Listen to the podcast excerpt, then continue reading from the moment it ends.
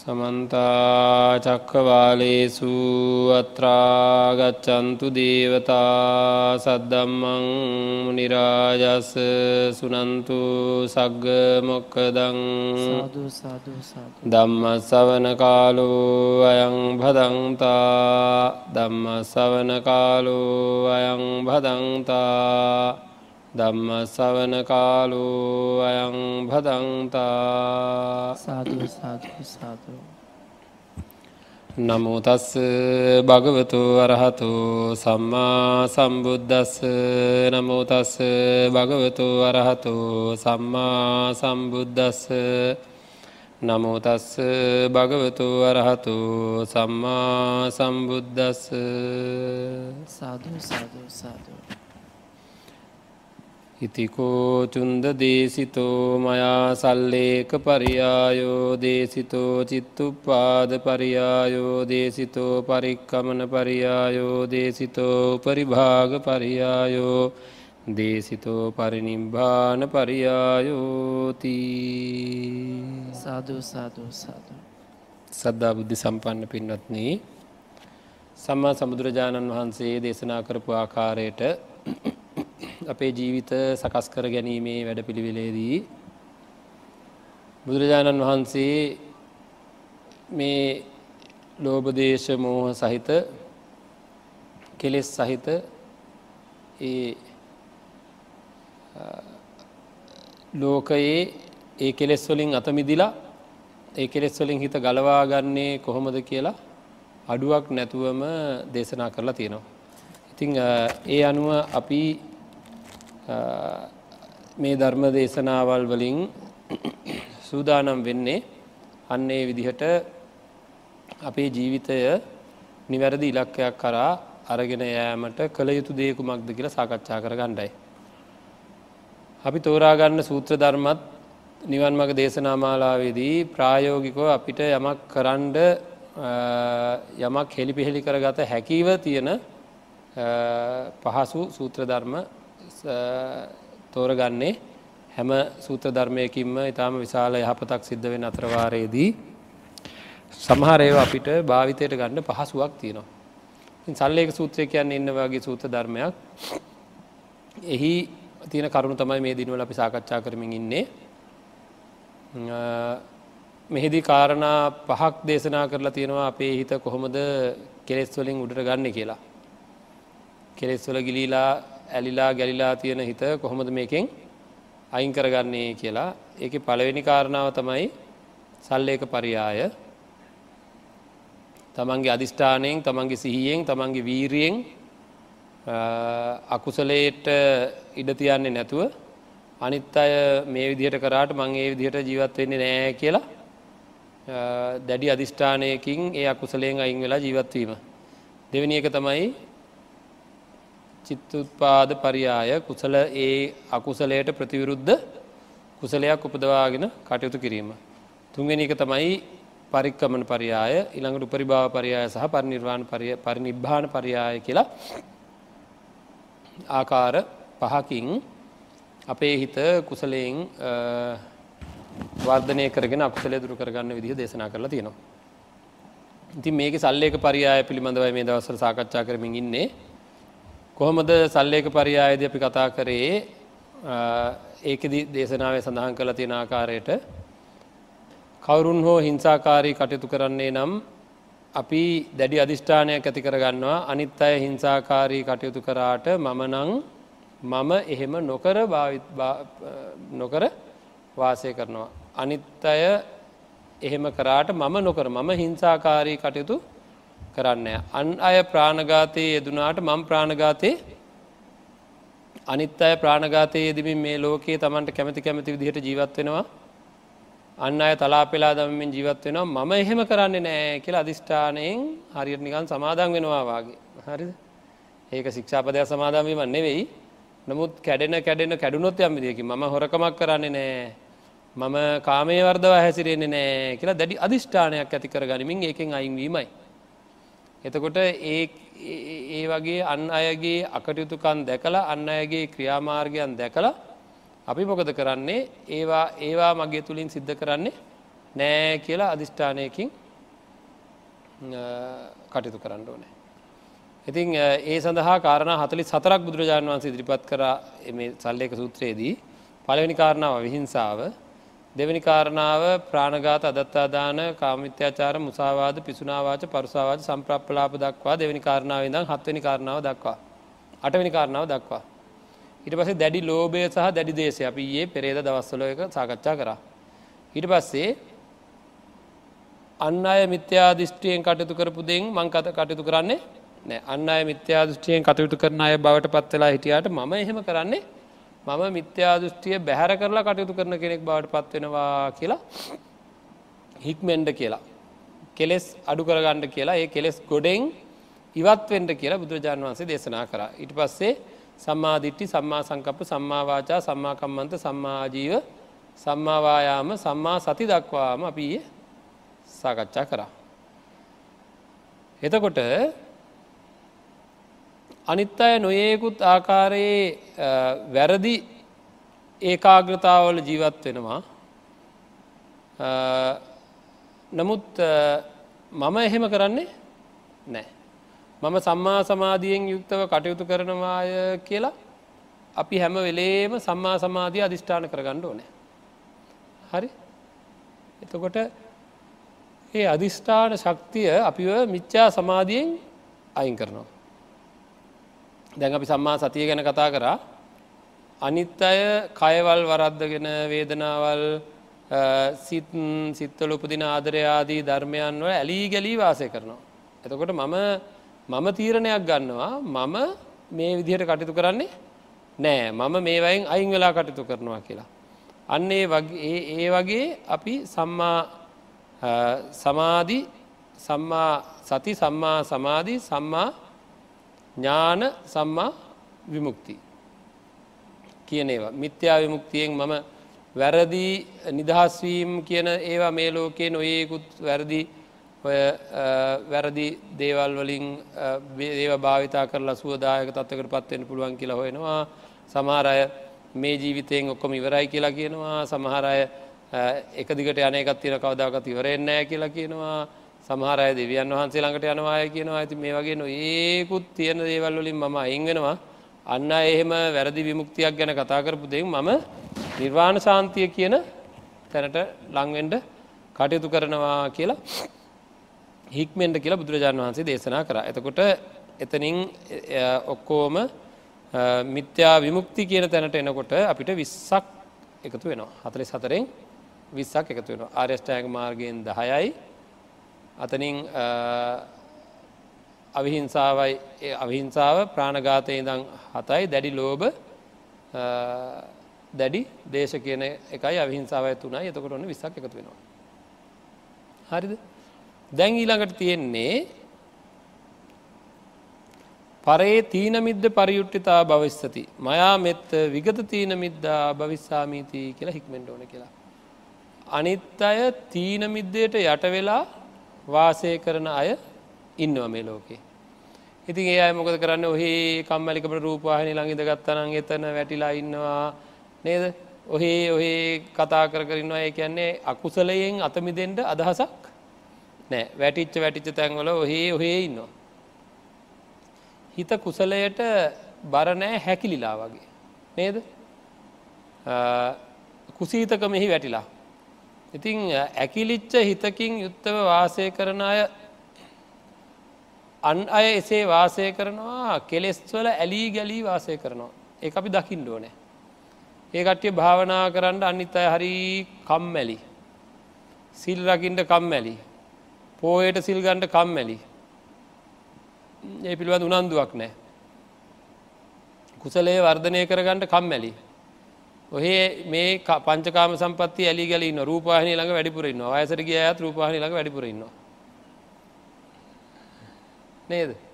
හොරේ අහු වෙන ඇතකොට මොකක්ද හොරේ?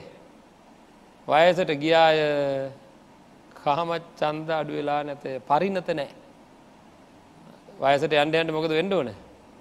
පරිනත වෙන්ඩ ඕනද නැද්ද? නේ දෙය අන්න අයට ආදර්ශ සම්පන්න වෙන්ඩ ඕන. මෙන්න බලන්නකොට හොරාට හින්දි චිත්‍රපටිත් බලනවා. වයතනං හොඳටම ගිල්ල හැබැයි අරක දිහත් බලාගෙන හොරේ අහුවෙනවා කියන්නේ එකයි. හරිද? ඉතින් ඒ වගේ මේ සමහර අය අර්ථ දක්වලා තාම කොල්ලා වගේ. හ්ම් කියලා. ඒවා හරි නිකන් ආඩම්බරකම කරගන්න. අපිත් එහෙම වෙන්න ඕනේ කියලා අනිත් අයට හිතනවා එතකොට. නේද? මං කියලා තියෙන්නේ මේ ලෝකේ ඉන්න මිනිස්සු අපේ පින්වත්නි පුළුවන් තරම් අපිව ඇදලා දාගන්න හදන්නේ කොහෙටද? දිව්‍ය ලෝකෙ පැත්තටද බ්‍රහ්ම ලෝකෙ පැත්තටද නැත්නම් අපාය පැත්තටද? අපාය පැත්තට අදින්න තමයි කට්ටිය වැඩි. හ්ම්. ඉතින් ඒක හින්දා අන්න ඒවයෙන් අත මිදිලා Tamanට ඒවයෙන් අයින් වෙන්න අවශ්‍ය කරන වගකීම සකස් කරගන්න ඕනේ. අවශ්‍ය කරන කටයුත්ත උපයා සපයා ගන්න ඕනේ. ඉතින් ඒ සඳහා අපි දැඩි ක්‍රියාමාර්ගයකට එන්න ඕනේ. මම මම තීන මිද්දෙන් අයින් වෙලා වාසය කරන මම තීන මිද්දේට ඉඩ දෙන්නේ නැහැ. මේ හැකිලිච්ච හිත හැකි හැකිලි තියෙන්න මම ඉඩ තියන්නේ නැහැ. කොහොම හරි මම මේකෙන් අයින් වෙනවා.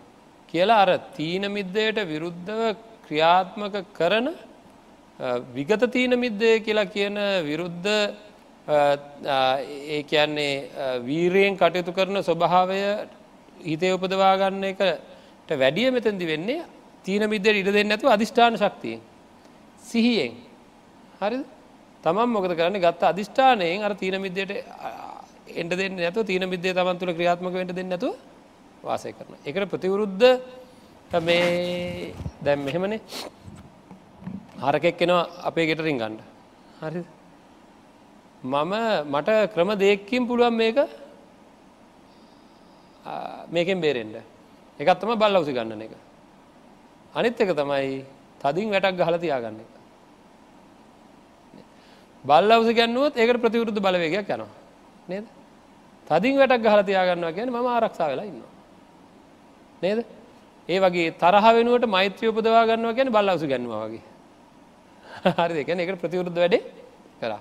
ඒක තමයි කුසල උත්පාද පරියාය කියලා කියන්නේ. ඒ අකුසලයට ප්‍රතිවරුද්ධ බලය හදනවා කියන එක. නමුත් මේ සල්ලේක පරියාය කියලා කියන්නේ හෙම නෙවෙයි.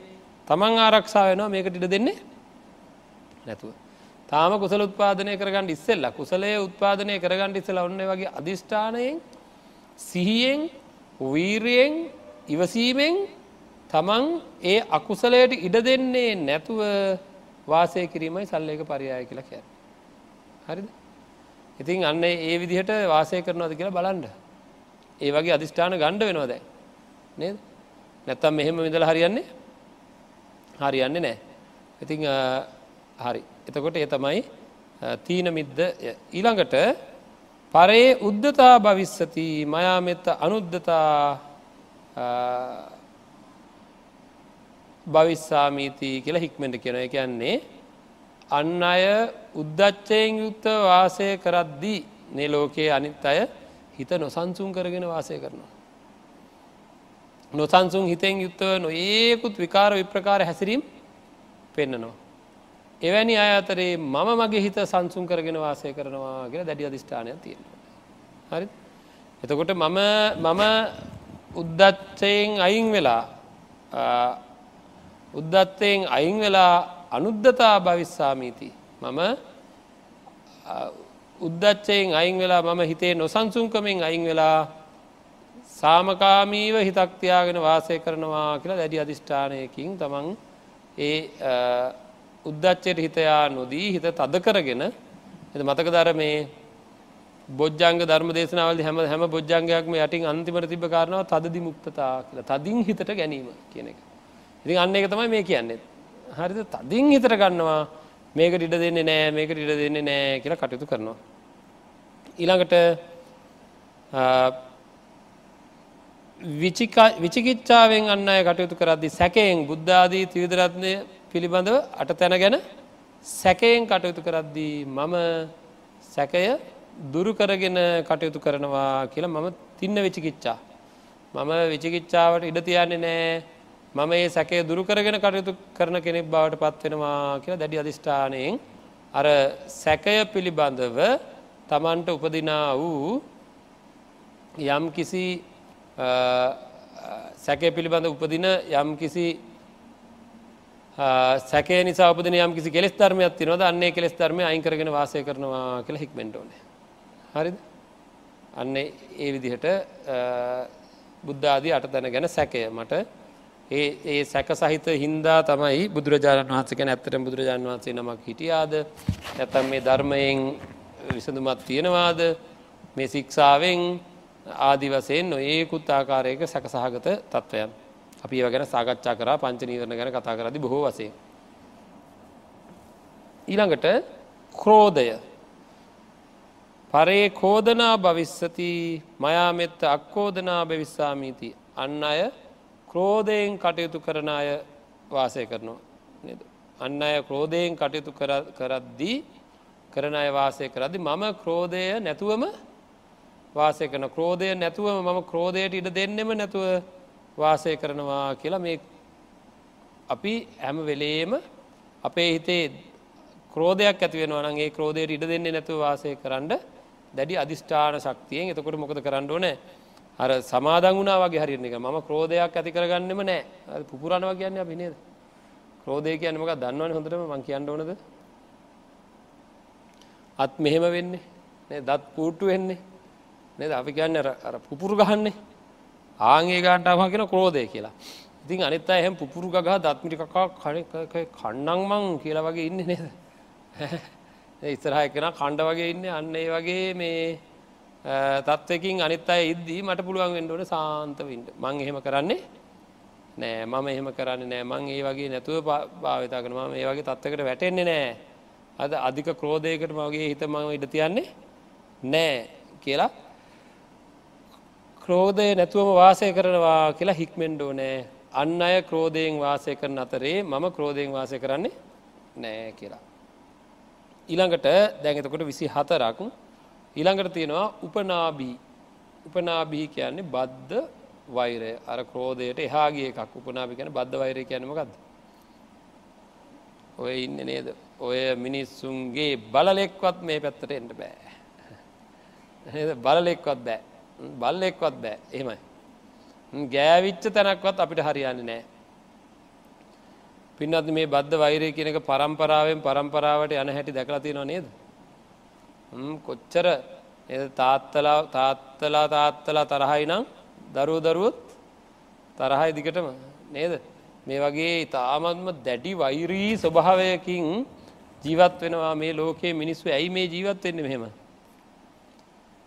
හරහා වැටෙනකන් ශරීරය හරහා වැටනකං මේ. හරා වැටනට පස බද්ධ වෛර ඔක්කොම ඉවරයි. කොයි වෙලාවෙද හරහා වැටෙන්නේ මේක? කොයි වෙලාවෙද කියලා කියන්න බෑ. තව අවුරුදු දහයකින් හරහා වැටෙන්නේ කියලා ස්තීරවම දන්නවනම් කමන්න බද්ධ වෛරකින් පහකින් පහක් විතරක්වත් හිටියට. හෙටද කියලා කියන්න බෑ. තව මොහොතකින්ද කියලා කියන්න බෑ. එතකං මං වෛරී කරලා කාටද? නේද? ඒක හින්දා අනි මේ ලෝකයෙන් ගැලවීමේ අදහස තියෙන අය මේ සල්ලේක පරියාය අවශ්‍ය වෙන නිවන් දකිට බලාපොරොත්තු වෙන අය තමන්ට දැනෙන්ඩෝ නෑ ම මේක තියෙන පීඩාව මේ පස්කම් සැපෙහි මේ මේ කෙලෙස් සහිත ලෝකයේ තියෙන පීඩාව දැනිච්චාය තමයි මේ විදිර සල්ලෙක් කරණය කරගන්නේ. එකට එක ගැටි ගැටී හැපි හැපි වෛරීව මිනිස්සු මේ ලෝකයේ පොරල්ලනවා. නේද? එතට ඒ පොරල්ලන මිනිස්සු අතරේ මට ඇයි බැරි වෛරයක් නැති කෙනෙක් විදිහට? ජීවතෙන මේක මහා ශාන්ත ස්වභාවයක් ඉවසීමේ ස්වභාවයක්.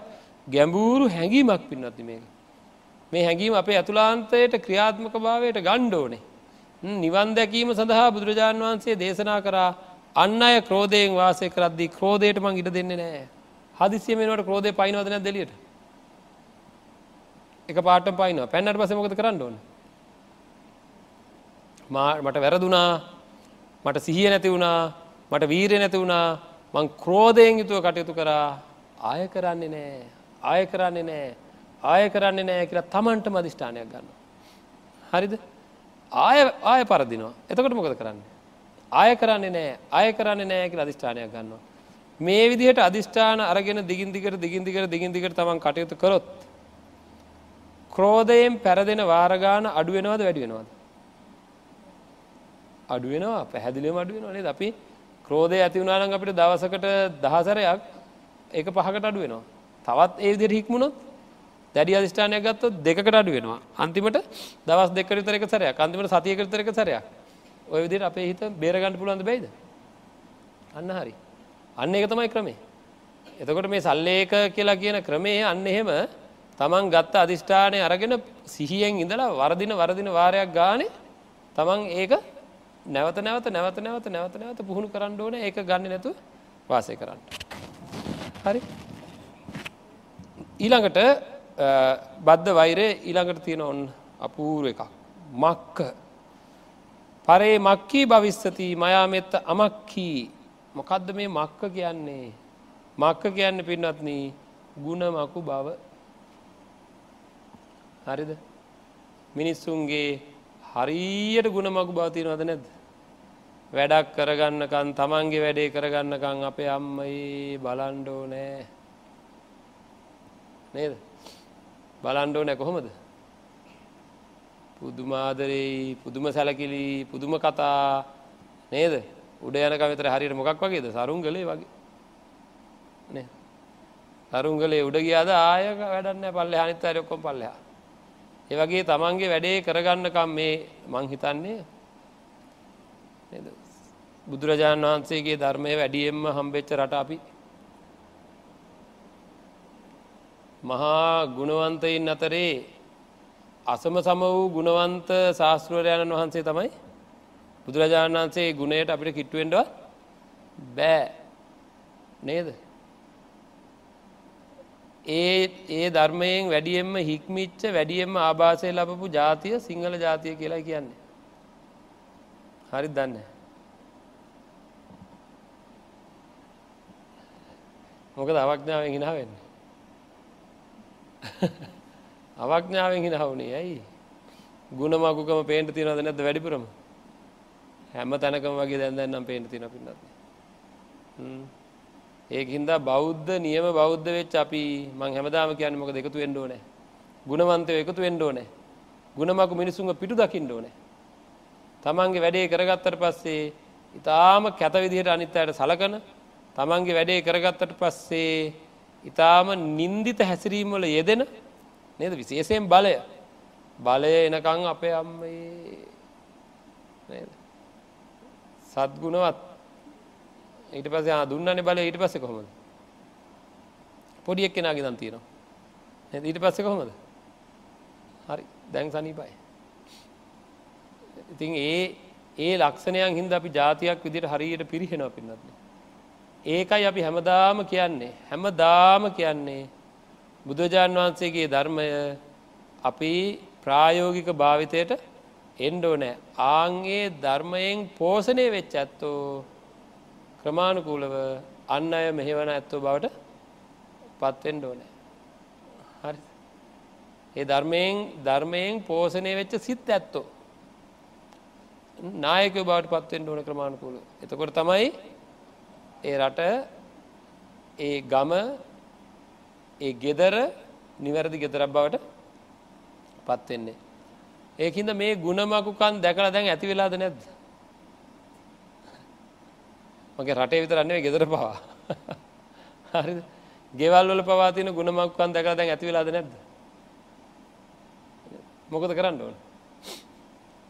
අන්න අය ගුණවකුව වාසය කරද්දී මම මම කවදාක්වත් කොච්චර නුගුණ තියෙන මනුස්සයෙක් ඉදිරියවක්වත් මං ගුණමකු වෙන්නේ නෑ කියල හික්මෙන්ඩෝ නෑ ලේසි වෙයිද? මං හන ලේසි වෙයිද? කරන්නක බලන්න ලේසිද කියලා. හරි. කරලම් බලන්න ඕක ලේසි නෑ. හරි ඕක කරන්න තමට හොඳ මානක ශක්තිය ඕක කරන කෙනෙකුට ලොකු මානක ශක්තියක් ඇතිවෙනවා ලොකු ශාන්ත භාවයක් ඇතිවෙනවා ලොකු ඉවසීමක් ඇතිවෙනවා ඒකත් එක සමාධිය වැඩෙනවා. බයවෙන්ට එපා. වැඩෙනවාමයි. හරි ඒකින්දා ගුණමකු මිනිසුන් හමුවේ තමන් කෙලින් ඉන්ඩෝනෑ හරි කොච්චර මට ගුණමකුකං කරත් කොච්චර මාව රැවැට්ටුවත් කොච්චර මාව ගුණයක් නැතුව රිද්ධවන වැඩ කරත් තමන්ගේ වැඩේ කරගෙන බැහැර වුණත් මංමගේ බෝධිසත්ව චරිතය එහෙම්මම තියාගන්නවා. හරි මම එතෙන්ට වැටෙන්නේ නෑ. මම ගුණමකු වෙන්නේ නෑ කියලා ඒ ගුණමකු තුච්ච තුප් පැහි ලෝකයෙන් තමන් මොකද කරන්න ඕන. හිමි සැරේ අයිගෙන්ට ඕන. අයිගෙනව කියන ගෙදරින් පැල්ලෑනව කියනක නෙවෙයි. අයිගෙනවා කියන්නේ ඒ ගුණමකු සිත් එක්ක තියෙන සම්බන්ධකම් අයින් කළ දානවා කියනක ඒව තමන්ට දැනෙන් නැති විදිහට සකස් කරන මමත් ඒව බෝ කරගන්න නෑ. මුගාක් වෙලාවට වෙලා තියෙන්නේ අන්න අයගේ කෙලෙස් අපිට හරියට බෝවෙනවා එහ පැත්තෙන් බයිනට මෙහ පැත තරහයනවා ඒගැන බෝවුණනි තරහ බෝවුණා නේද? ඉතින් අන්න එහෙම අපි ඉතා ප්‍රායෝගිකව මේවාගෙන් හිමීන් ගැලවෙන්ඩ මේ ඒ පැත්තටම අලෝල ගණ්ඩ හදන ලෝකයෙන් හිමීසර ගැලවෙන් එහෙනම් ගුණමකු බව ඇති කරගන්නේ නෑ කියල තමන් සල්ලේක කරගෙන කරගණ්ඩෝ නෑ ඒ කියන්නේ දැඩි අධිෂ්ඨානයක් ඇති කරගන්න ම ගුණමකු වෙන්නේ නෑ කියලා. හරිද? දැන් එතකොට විසි හයක් අපි කතා කරා. ඊළඟ එක තමයි පලාසි මක්කී කියන්නේ ගුණමකුකම. පලාසී කියලා කියන්නේ ඕන් තමන්ට වැඩිය ගුණයෙන් උසස් අයත් එක්ක සමකොට සැලකීම. මමත් මේ වගේ මමත් මේ වගේ මමත් මේ වගේ කියලා ඒ මක්ක පලාස ගුණය මක්කී කියන ගුණමකු බව තමන්ට වැඩිය ඉහළ ගුණයෙන් යුක්ත අය තමන්ට වැඩිය මේ හොඳටම දන්නවා මේ මේ නමුත් මමත් ඒ වගේ කියල සලකන ස්වභාවය. සමහරය රහත් භාවය නැතුවම රහතන් වහන්සේ කියලා රහත් ගුණ පෙන්න්නට හදනවා. හරි මමත් ඒ වගේ. සමහර අය බුදු හාමුදුරුවන්ට පවා සමානවෙන්ට හදනවා. එදා බෝධිමූලයේදී බුදුරජාණන් වහන්සේට වෙච්ච දේම තමයි මටත් වනේ කියල මටක දහක කෙනෙක් කියන. මේ ගිහි කෙනෙක් කියන්න. හරි බුදු හාමුදුරන්ට බෝධිමූලේදී වෙච්ච දේම අපිටත් වනේ. රහත් වෙලා මේ හදිසි. ගොඩ කල් සැ. හරි ඉතින් ඒ තමයි ඒ තමයි ස්වභාවය තමන්ගේ නැති තමන්ට වැඩිය ඉහළ ගුණ තියෙන අයත් එක්ක ඒක පැහැදිලිව තමන් දන්නවා දැනගෙන ඒ ගුණයන්ට ගෞරව කරන්නේ නැතුව ඒහා සමානයයි ගනිමින් කටයුතු කරන කටයුතු කරන දැකලා අපි මොකද කරන්නඩුවට. ඒ අය එහෙම කෙරුවට මම නං කවදාක්වත් මගේ නැතිගුණ ඉස්මතු කරන්නේ නෑ කෙළ හික්මෙන්ටෝ. හරිද? මට වඩා වැඩියෙන් ගුණ තියෙන අයගේ ගුණයන් වහලා කටයුතු කරන්නේ නෑ කියලා හික්මෙන්ඩෝන. සමානව හිතන්නේ නෑ කියලා හික්මෙන්ඩෝන. ඉළඟට විසි අටවෙනි එක තමයි ඉස්සුකී කැන ඊර්ෂාව. හරිද? එතකොට ඊරිසියාවක් ඊරිසියාවෙන් කටයුතු කරන අය අපිට හොඳට පේනවද නැත් නේද? ඊරිසියාවෙන් කටයුතු කරන අය ගැන අපි දකිින් ඩෝනෑ ඒ අයගේ ඊරිසියාව හින්ද යාලට මොකුත්ම හම්බෙන්නේ නෑ මේක මේ ආදස්සට ගණඩ කන්නෙවේ ගැන්න නමුත් ඇත්තක් කියන්නේ. මන් දැක්ක හරි අපුරු ධර්මයක් තියෙන පොතක. එක බෞද්ධ පොතකද මන්දා? කොහරි තැනක දැක්ක එකක් මේ කියන්න. නමුත් කතාව ඇත්ත. ප්‍රාණගාත කරන අයට දඩේමට කියන්නම මස්ටික තියෙනවද නැද්ද? ලොකූ පාපයක් කරගන්න නමුත් මස්ටික තියෙනවා. හොරකං කරනය ලොකූ පාපයක් කරගන්නවා නමුත් හොර හොරකං කරපු වස්තුව තියෙනව නැඩුම ගාන කාමේ වර්දව හැසිරිච්ච කෙනාට කාමේ වර්දවා හැසිරීම හරි සිද්ධ වුණා. නේද? බොරු කිව්ව කෙනට බොරුවෙන් මොකා හරි ලාභයක් හම්බුණා ඉරිසියා කරන කෙනාට. ඉරිසියා කරන කෙනට මොනවා හරි හම්බෙනවද නෑ අපරාධේ. නේද? පව් කරගත්තර කවන්න පව් පව් කරගතර කවන්න කියලම කවදක්වත් කියන්න නමුත් පාපයත් එක මොන හරි හම්බෙචයක් හරි අනිත් අයට තියෙන ඉරිසියා කරපක් කෙනට මොකක්වත් නෑ අනිත් අයට කරන ඉරිසියාව හරීම පීඩාකාරී හරීම අපහසු හරීම මෝඩ පහේ ක්‍රියාවක් ඉරිසියාව කියලා කියන්න. අද නමුත් වැඩි දෙනෙකුට සියුම් වසයෙන් හරි මේ ඉරිසියාව කියන එක තියෙනවා. ඒක හොඳට පේනෙ කොහෙන්ද. මූනෙන් ක්‍රියාවෙන් නේද නෑ කෙනෙකුට හොඳක් වෙනකොට ඒ මූුණු ඇකීලෙනවා සමහරයගේ. හොදක් වෙනකට මූුණ ඇකිලෙනවා යහපතක් වෙනකට මූුණ ඇකිලෙනවා ඒක හොඳට තේරෙනවා හිනහවත් වෙනස් වෙනවා කතාවත් වෙනස් වෙනවා. නේද? ඉතින් මේ වගේ ඉරිසියාවෙන් පෙළෙන අය දැකලා අපි මොකක්ද ඇති කරගන්න අදහස. අන්න අය ඊර්ෂ්‍යාව ඇති කරගත්ත දෙෙන් අන්න අය ඉරිසියාව ඉරිසියාවෙන් යුක්තව වාසය කරාට අපි නං මෙහි ඉරිසියාවෙන් වාසය කරන්නේ නෑ කියලා ඊරිසියාව හැදෙන හැදෙන හැම්ම වාරයකම ඉරිසියාව හැදෙන්ට පුළුවන් හැදෙන හැදෙන හැම්ම වාරක මොකද කරන්න ඕනෑ? තමන් එකට ඉඩ දෙන්නේ නැතුව කොහොම හරි තමන්ගේ කටයුතු සම්පාධනය කර ගණ්ඩ බෝන අධිෂ්ඨානයෙන්ම සම්පාධනය අද හුඟාක් නේද? උගාක් දෙනකොට ඉදිරියට එන්ඩ බෑ පින්නත්න ඇයි ගුරු මුස්ටිය ලංකා විස්සරි දන් තිබ එක ගුරු මුස්ටිය දෙන්න නෑ. ගුරු මුෂ්ටිය කියන හොඳ එකක්ද? හොඳ එකක්ද? හැමෝ මුස්ටිය මුස්ටිය ගාන තියාගත්තට පස මොකද වෙන්න? මට හම්බෙන එක මං කොටසම් මුස්ටියට තියාගත්තා. හද මගේ ගෝලයා ඒකෙන් ටිකම් මුස්ටියට තියාගත්තා. ඊළඟ එක්කෙන ඊළඟ මුස්ටිය තියාගත්තා. අන්තිමට අන්තිවර මොකක්ද වෙන්නේ? මොකුත් මොකුත් නැතිවෙනවා බුදුරජාණන් වහන්සේ මුස්ටි තියාගන්නට ගන්නල නෑ ඒ ඔක්කෝ මොකද තමන්ගේ ගෝලයා තමන්ට වැඩිය ඉහලට එයි කියන බයට වැඩි දෙනෙක් තමන්ගේ ගෝලයිංක තමන්ගේ අනුගාමිකයින්ව පහත් කරලා ඉදිරියට එන්ට දෙන්නේ නැතුව කටයුතු කරන ස්වභාවය දක්නට තියෙනවා. ලංකාව තියෙනවා එක නේද? එතට ඒ වගේ දේවල් දැක්කහම අපි මොකද කරන්න ඕන? අන්න අය ඒ විදිහට කරාට මම නං එකට ඉඩ තියන්නේ ඉරිසියාවාව තමයි. ආවනං එකමං කොහොම හරි මැඩ පවත්ත ගන්නවා කියලා මැඩ පවත්තගෙන කටයුතු කරන්න ඕන. හරි ඊට ප්‍රතිවරුද්ධ දේ තමයි ඒ මොකක්ද කෙනෙකුට ඊරිසියාවක් ඇති වෙනව නං ඒකට ප්‍රතිවෘද්ධ තමයි මුදිතාවක් ඇති කර ගැනීම. නමුත් ඒක කුසල උත්පාද පරියායට යන්නේ ගැන කුසලය උත්පාදනය කිරීමයි. නමුත් මෙතනද අපි කතා කරන්නේ නෑ මම ඉරිසියාවට ඉඩ දෙන්නේ නැතුව වාසය කරනවා ඉරිසියාවට එට දෙන්නේ නැතුව වාසය කරනවා කියලා හික්මෙන්ට කියලයි සඳහක් කරි පිලොත්ති එතකොට අපි කල්පනා කර ගණ්ඩෝ නෑ අපි කොහොම හරි කරලා මේ ඇතුලාන්ත ප්‍රබල හැඟීම් ඇතුලාන්ත ප්‍රබල හැඟීම අපි කොහොම හරි වර්ධනය කර ගණ්ඩෝනය කියලා. ඊරිසියාවට ඉඩ දෙන්නේ නැතුව මම අන්න අය ඊරිසියාවෙන් කටයුතු කරනවා මේ ලෝකයේ ඉතාමත්ම කෙලෙස්වලින් බරිත මිනිස්සු ඊරිෂාවට යට වෙලා කටයුතු කරනවා. මම ඒකට ඉඩ දෙන්න මම ඒකට ඉට දෙන්න මම ඒකට දෙන්න ඇ මම මේකෙන් බැහැර වෙන්නට මොකටද? නිවන් දකින්න. ඊරිසියාව කියන්නේ අධිකතර වූ කෙස් ධර්මය නිවන් දකිින් ඕන මම මේකට ඉඩ තියන්නේ නෑ ඒ හැම එකක් මෙමයි හැම්වෙලේ අපිට අදහස් තියෙන් ඕනෑ. මම මේ අරගෙන අපි දැන් ඉස්සරහටි කතා කරනවා. ඊළඟ පරියාය ධර්මයන්ටික මේකමයි අර යන්නේ. ඊරිසියාව කියන කාය කවදාකොත් ඇතිවෙන් නැති තත්වකට පත්වෙනකම්ම අර යන්න මේක. හරි ආය මිත්‍යා දෘෂ්ටියක් ඇතිවෙන් නැතිවෙන්ට අරගෙන යන්න මේ ක්‍රමේම ඉස්සරහට.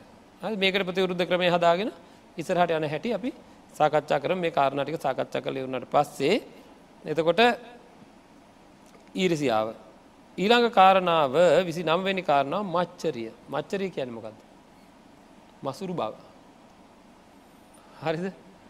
බලන්ටක මේ අපේ හිත්වල උපදින මසුරු බව කියන්න මොකක්ද තමන්ට ලැබිලා තියෙන දේ අන්න අයට නම් බෑ කියන හැකීම මසුරු බව කියන්න එක හරි වෙන කෙනෙකුට ම මට දකිට තියෙන දේවල් වෙන කෙනෙකුට දකිටවත් බෑ. මට ඇහන්ට තියන මට ලැබිලා තියෙන ලාභයක් තියෙනවන වෙන කෙනෙකුට බෑක හරියන්න මේ වන අල්ල අත තියන් ඩෙන්ඩපා කියලා අපි කියන්නේ. මේ පැත්ත බෑ මේ බෑ. මෙහෙ බෑ ඒව බෑ මේව බෑ. මගේ කොටස මම මසුරුකම කියෙනෙක හොඳට අපි දන්නවා නේද? එක දැනිලා ඇති. ති මිනිස්සු බොහෝ මසුරුකමෙන් තමයි තමන්ගේ දේවල් වෙන් කරගෙන එත කොටසක් වෙන් කරගෙන මේ ලක්ෂණය අපේ පින්වත්න මිනිස්සුන්ට විතරන්නෙවෙයි තිරිසන් සත්තුන්ටත් තිනවද නැත් හරියට තියෙනවද නැද්ද? අපි ගැන බල්ල පිදුරු කන්නෙත් නෑ කනගුණට දෙන්නෙත් නෑ කිය ඒ තමයි අල්ලගෙන තියන ඒ වගේ තමයි. ඉතින් ඒ වගේ තමන්ගේ කොටස තමන් වෙන්කරගත්ත මොනොහර දෙයක් තිරන අනිත් අයට අතතියන්ටවත් දෙන්න නැතුව ඒ කෙරෙහිම දැඩී ඇඟීම උපදවාගෙන මසුරුකමින් යුත්තව කටයුතු කරන අය නිවන් දකීද. මසුරු මල බැහැර කරේ නැත නිවන් දකීද. නෑ නිවන් දකින්නේ දුකෙන් නිදහස් වෙන්නේ එහෙනම් අන්න අය මේ සියල්ල මසුරුකමෙන් අල්ලාගෙන වාසය කරද්දී මන් මෙහෙම කරන්නේ නෑ. අන්න අය මේ සියල්ල සියලු දේ අල්ලගෙන මසුරුකමෙන් වාසය කරාට මම නං එහෙම කරන්නේ නෑ මම නං එහෙම කරන්නේ නෑ මම නං එහෙම කරන්නේ නෑ කියලා ඒකට ඉඩ දෙන්න එතර මසුරුකමක් ඇති වුණොත් ඇති වුණා. දැම්මකද කරන්න ඕන? ආයෙන්ට දෙන්නේ නෑ කියලා හික්මෙනවා. ආයෙන්ට දෙන්නේ නෑ කියලා හික්මෙනවා. ආයසරයක් එනවා. ආයෙන්ට දෙන්නේ නෑ කියලා හික්මෙනවා. එහෙම එහෙම කරද්දී මසුරුකම ඇතින වාරගාන ටික ටික අඩු වෙලා ගිහිල්ලා තමන්ගේ හිත සුපත් භාවයට ඒ මසුරුකමෙන් බැහැර වෙලා කටයුතු කරන්න පුළුවන් ශක්තියක් අපේ තුළ ඇති වෙන ස්වභාවය තියෙන මේක මේ විදිහට කටයුතු කරන එක දිහානයක් උපදවාගෙන වාසය කරනවාට වඩා වටින බව බුදුරජාණන් වහන්සේ දේශනා කළ තිය. හරිද මේ සූත්‍රයේ අපිට පැහැදිලි වුණා ඔයිට කලින් අපි දිහාන ගැන කතා කරා. නේද. ඒ දිහාන සල්ලේක නොවන බව බුදුරජාණන් වහන්සේ දේශනා කරලත් තියෙන සල්ලේක නොවන බව. දිහාන කියනව මොනවද දිට්ට දම්ම සුක විහරණය සඳහායි දිට්ට දම්ම සුක විහරණය සඳහායි ඒ කියන්නේ මේ ජීවිතයේදී සැප විඳීම සඳහායි. එතකොට දිහානයක් වර්ධනය කරනට වැඩිය තමන් මේ බලන්ට මේ මේ මසුරුකම නැතුව ජීවත්වෙන එක පුරුදු පුහුණු කරන්න. හිතට මංහන මේ ඇත්තන්ගේ. ජීවිතය ගෙවෙන හැම වෙලේම සිහියෙන් ඉන්ඩෝනද නැද්ද.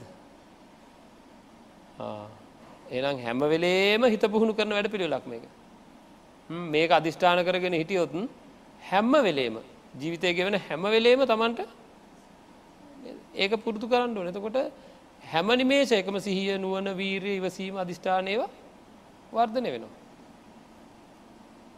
හොඳයි. ඊළං කාරණාව තමයි සට හරිද පරේ සටහා භවිස්සති මයාමෙත්ත අසටා භවිස්සාමීති අනිත් අය සට කියන්නේ ලාභ සත්කාර හේතුවෙන් ලාභ සත්කාර ඇතිකර ගැනීමේ හේතුවෙන් නැති ගුණ උකහා දක්වන ගතිය. හරිද අපි කියන්නේ නැති ගුණ තියෙන ලෙස කපටි කපටිකම කියන සට කපට කියලා කිය නේද අන්න ඒ තමයි එක එක එක ලාභ ලබා ගැනීම අපේක්ෂාවෙන් නැතිගුණ පෙන්න්නන ගතියට කියනවා සට කියලා. ඉතින් බොහෝ දෙනෙක් දේශපාලනය නම් හෙමයි නෑ නේද.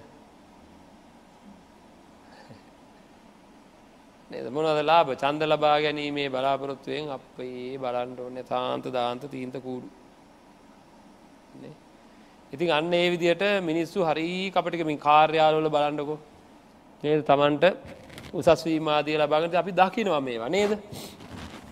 ඕන තරම් දකිනවා. මෙයා හරි සට කපට විදිහට යතන ගමේ ඉන්න මෙයා හරි කපටි. එක කෙනට එක එකවා කියලා. නද? හරි කැත විදිර ජීවත් වෙන දකිනවද නැද්ද? දැක්කා මුගා කලට අපිට බහා කලකිරීම් ඇති වෙනවා. එන්නේ කලකිරීම ඇතිකර ගැනීම නෙවෙයි ඒ තැන්වලදී කරන්නේ ධර්මානුකූලව බුදුරජාණන් වහන්සේ දේශනා කරපු දිහට ඒ අය කපටි විදිහට ජීවත් ජීවත් වෙනවා. ඒ කට්ටිය කපටිකම භාවිතා කරගෙන කටයුතු කරනවා. මම කවදාක්වත් එහෙම කරන්නේ නෑ. මම කවදාක්වත් කපටිකමින් කටයුතු කරන්නේ නෑ කියලා තමන්ගේ පැත්තෙන් දැඩි අධිෂ්ඨානයකින් කපටිකං කරන්න ආවොත් හිත ඉඩ දෙන්නේ නැතුව ඉඩ දෙන්නේ නැතුව කටයුතු කරන්න ඕනෑ. ඊළඟට තමයි මායාවී.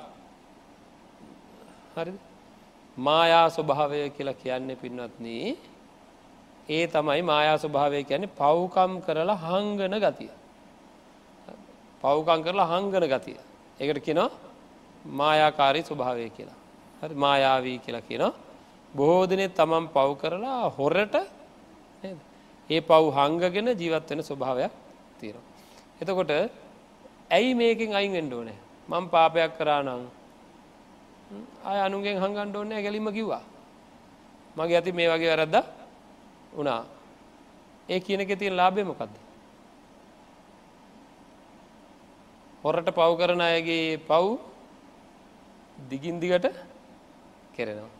හැබැයි පව් එලියට දාන වැරද්ද වැරද්ද විදිහට එලියට දාන ඇත්තන්ට එයාට එක හික්මෙන්ට තියෙන අවස්ථාව වැඩි. නේද? එද පව් සඟවන්නේ නැතුව පව් හඟවන්නේ නැතුව මම ජීවත් වෙනවා. හරිද ඒකැන මම කෙලින් කතා කරලා ඇත්තට මුණදීලා ජීවත් වෙනවා කියලා තමන් අන්න අය මේ විදිහට කරාට මම එහෙම කරන්නේ නෑ කියලා හික්මෙන්ටෝන ඇම්බිලේම අන්න එහෙම කරාට මම ඒ විදිහට කරන්නේ නෑ කියලා. ඊළඟට පින්නත්න තද්දා තද්දහා කියන්නේ මේ තියෙන අර තද ගතිය. මං කියන්න හැමදාම ගල්ගෙඩි වගේ කියලා. ගල්ගෙඩිත් එක ජීවත්වන එක ලේසිද? ගල්ගෙඩිත් එක ජීවත්වන්නොත් හැමතනම ඇනෙනවා වයනකොට රිදෙනවා. එද අපේ නිවතුල හරියට ගල් ගෙඩින්ව වෙලාට කිව්වොත් කිව්වමයි. ආය නෙවෙයි ඔහොම නෙවෙයි මොනවා කරත් කවුරුකත් නෑම මේක කරනකොත් එවන පුද්දුම තද ගති තියෙන්නේ සමහරඇත්තන්ගේ මහ එපා වෙන ගති. සෞම්‍ය නෑ මු르දු නෑ නේද අන්නේ වගේ තද කැපෙන වගේ අය එයාලත් එක්ක ජීවත්වෙන ඉතින් ඒ වගේ මට දැනිලා තියෙන හොඳට මේ තද ගති තියාගෙන කියන කියන එකම කරන්න ඕනෑ කියලා සෞම්‍ය නැතුව අන්න අයව තලා පෙලා පෙරලගෙන කටයුතු කරන තද ගතියෙන් යුක්තය මේ සමාජය දකිනවා. එතකොට ඉතින් හුඟක් කලාට මමත් තද ගති පෙන්න්න එක තමයි හුඟක් කලාවට වෙන්නේ. ආං එහෙම නැතුව. එහෙම නැතුව දැඩීවීරයකින් දැඩීසිහියකින් මම මුර්දු ගතිගුණ ඇති කරගෙන කටයුතු කරනවාය කියලා අපි හික්මෙන්ඩ ඕනේ.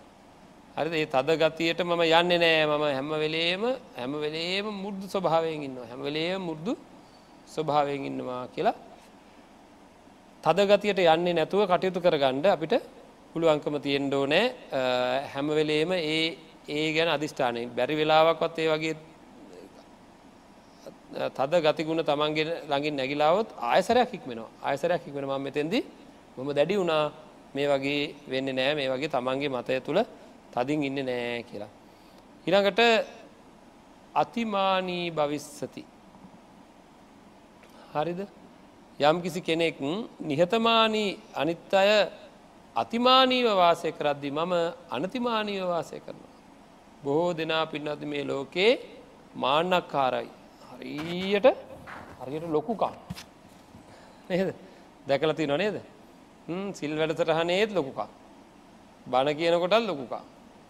කෙනෙකුට කතා කරන කොටල් ලොකුකම වැඩ කරද්දිල් ලොකුකා නද යන්න එන්නේ කන්න බොන්නේ නාන්‍ය ඇවිදින්න පවා ලොකුකමේ යුක්තව ඉතින් ඒ අතිමාන්‍යයෙන් යුත්තව කටයුතු කරනයි අපි දකිනවා. දැක්ක හම අපිට තේරෙන්ඩ නේ දකිනකොටම තේරෙන මේ තමයි කෙලෙස් ගඟ. මේ තමයි කෙලෙස් ගොඩ. හ මේ මාන්‍යයෙන් මේ හාට මෙහාට ඇවිදින්නේ මොනව ඔලුව තියාගෙනද? මැරෙන්නෑ වගේ හාට මෙහට යන්නේ. ආං එහෙම නිරවුල්ව එයා දිහා දකින්න ඕන. දැකල මොකද කරන්න ඕන. අනේ එයාලනම් මාන්‍යයෙන් යුත්ත කටයුතු කරනවා මම. එ මේ මාන්‍යය මට රිදෙනවානේ. එනම් මම මාන්‍යය පැත්තකරම දාලා කටයුතු කරනවා. මාන්‍යයෙන් අයින් වෙලාම කටයුතු කරනවා අයින් වෙලාම කටයුතු කරනවා කියලා තමන්ගේ ඇතුලාන්තයෙන් දැඩි අධිෂ්ඨානයක් ගන්න තුර මාන්‍යයක් ඇතිවුණ අය කරන්න අය කරන්න කියල එක යට කරගෙන යට කරගෙන යට කරන කටයුතු කර හරිද? අන්න ඒකට කියනවා අතිමානී භවිස්සති මයා මෙත්ත අනතිමානී භවිස්සාමීති කියලා. ඉතින් අද දවස අපි කතා කරා කාරණා තිස්තුන්වෙනි කාරණාව දක්වා.